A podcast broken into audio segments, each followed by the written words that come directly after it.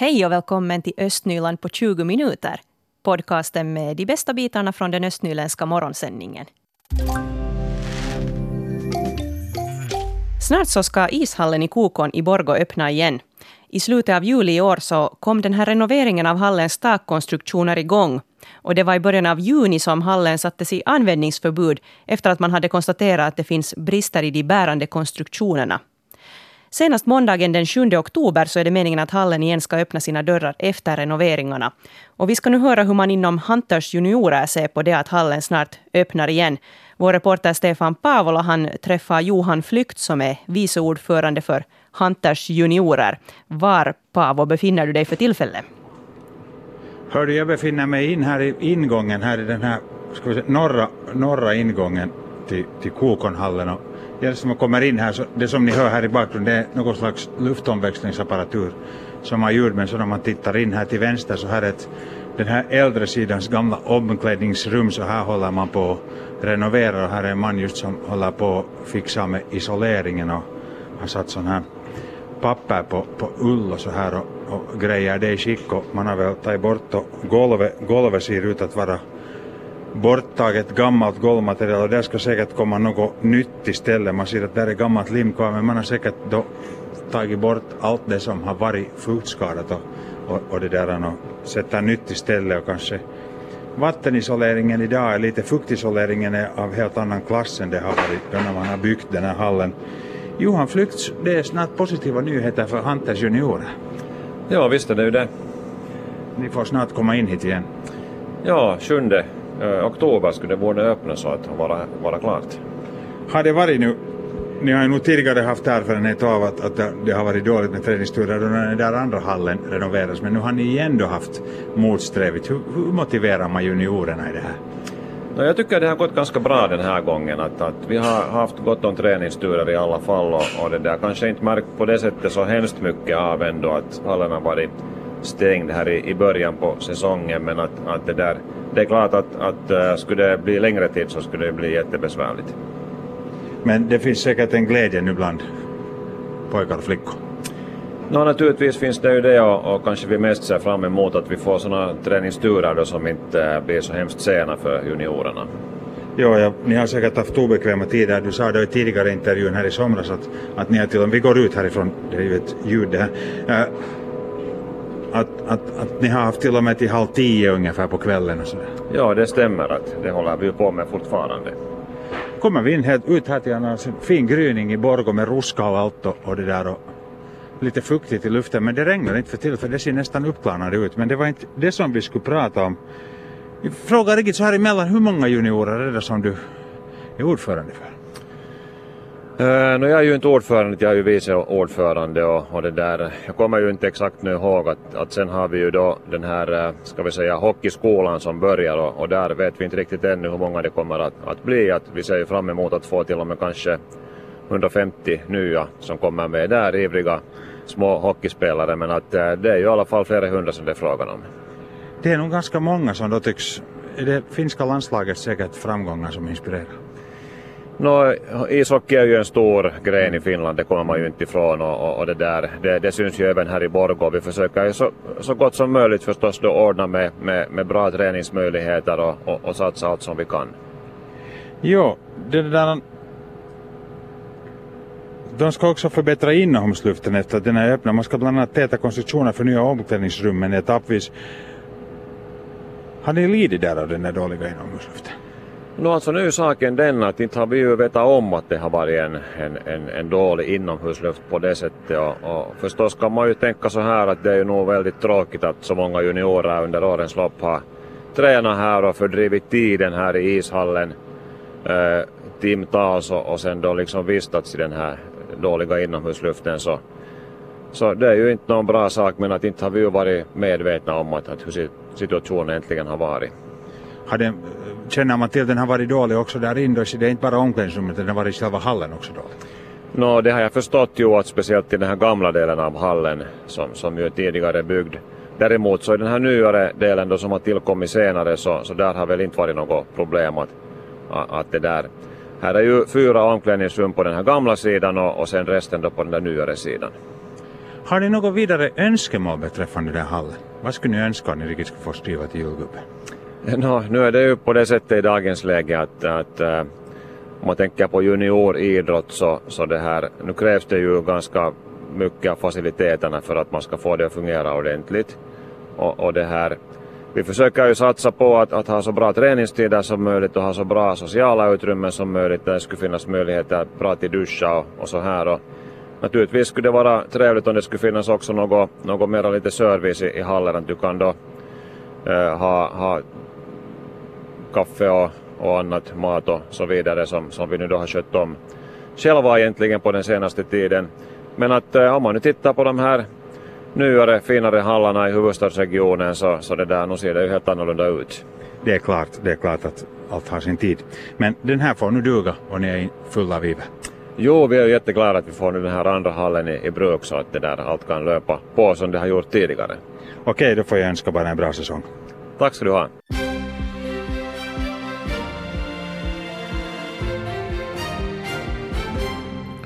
Klockan är halv åtta. Det här är de regionala nyheterna med Stefan Härus. God morgon. Grundrenoveringen av Societetshuset i Lovisa kan fortsätta. Det här i och med att Näringslivs och infrastrukturnämnden beslutat att godkänna ett tilläggsanslag på 150 000 euro. Dock vill nämnden ha en tilläggsutredning på de totala kostnaderna för renoveringen.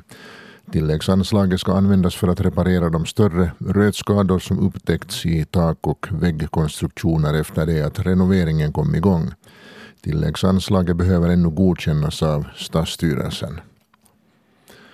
Nu är studentbostäderna på Styrmansvägen i Borgå sålda. Köpare är Mika Uusi Simola och hans företag Mivi Capital från Borgå.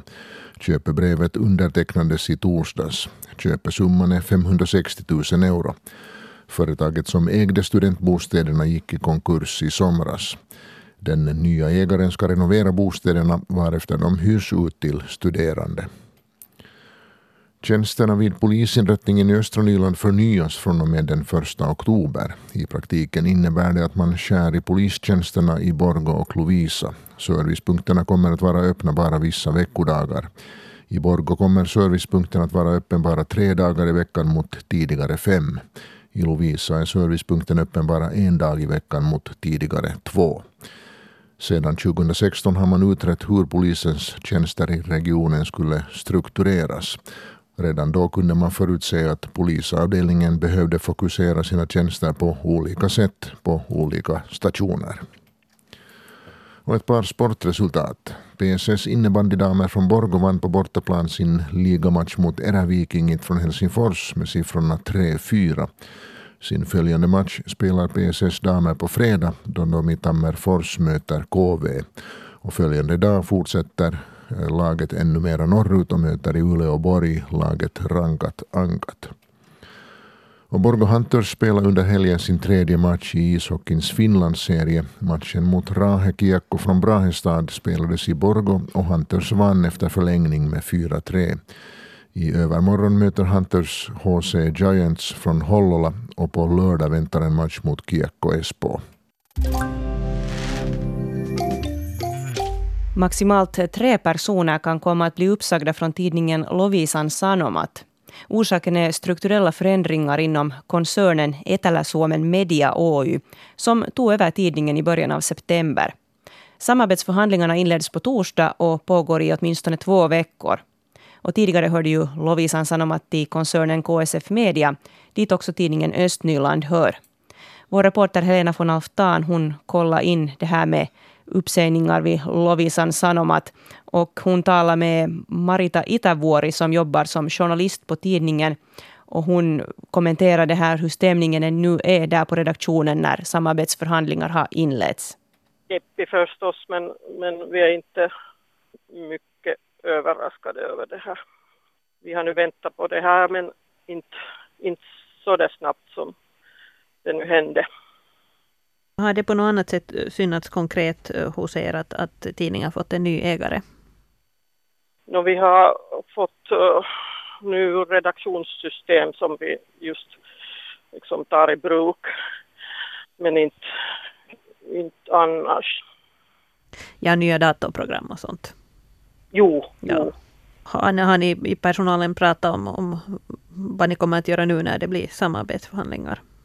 Nej, vi har inte hunnit prata så mycket därför att vi gör den här första tidningen som kommer ut på tisdag med det här nya systemet.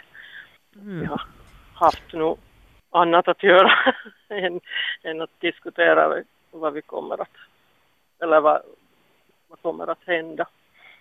Det tar bara två veckor. De här förhandlingarna är slutförda så det går nu snabbt. Vi får veta ganska snabbt hur det går. Känns sorgligt förstås. Vi är så få här. Vi är alla gamla arbetskamrater. Det påverkar säkert stämningen också. Och det konstaterar Marita Itävuori vid Lovisan Sanomat. Och man har alltså då behov av att göra strukturella förändringar vid tidningen. Det säger lokaldirektör Karri Kannala vid Etelä-Suomen Media. Och han säger också då att han inte vill precisera exakt vilka strukturella förändringar det handlar om. Men tidningen ska ha ett tätare samarbete med tidningskoncernen.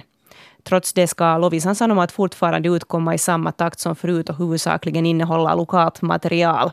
Och Kari Kannala sa till Helena von Aftan att tidningen i fortsättningen kommer ut i tabloidformat åtminstone två gånger i veckan och att man inte minskar på antalet, tidning, antalet dagar som tidningen kommer ut. Han sa också att det lokala är viktigt för oss så att vi kommer inte att minska på Lovisan Sanomats lokala bevakning. I dagens läge arbetar åtta personer på Lovisan Sanomat. Vi har en webbartikel om det här på svenska.yle.fi östnyland. Förra veckan talade vi en del om att tre byskolor i Lovisa hotas av indragning. Det här eftersom stan måste spara pengar. Lovisa ser ut att gå cirka 10 miljoner euro på minus i år. Och i onsdags så bestämde Nämnden för fostran och bildning att de inte vill lägga ner Kuggums skola, och kyrkoby skola eller Teutjärven koulu och inte heller dagisarna nära dem. Däremot så beslöt nämnden enligt förslag att lägga ner familjedaghemmet Duvan, att skära ner på kommuntillägget för hemvårdsstöd för barn och att se över gruppstorlekarna i årskurs 7 till 9. Men frågan är att räcker det här eller måste man hitta något annat att spara in på om man går in för det här att byskolorna bevaras? Och det här är något som vår reporter Mira Bäck har tittat närmare på. God morgon Mira. God morgon, god morgon. Hur ser det ut nu på den här fronten? No, jag gjorde så att jag ringde upp Kirsi Kinnunen som är direktör för Centralen för bildning och välfärd. Och hon sa att man nog säkert är tvungen att hitta andra sätt att spara på bildningssidan i så fall att de här skolorna då inte dras in.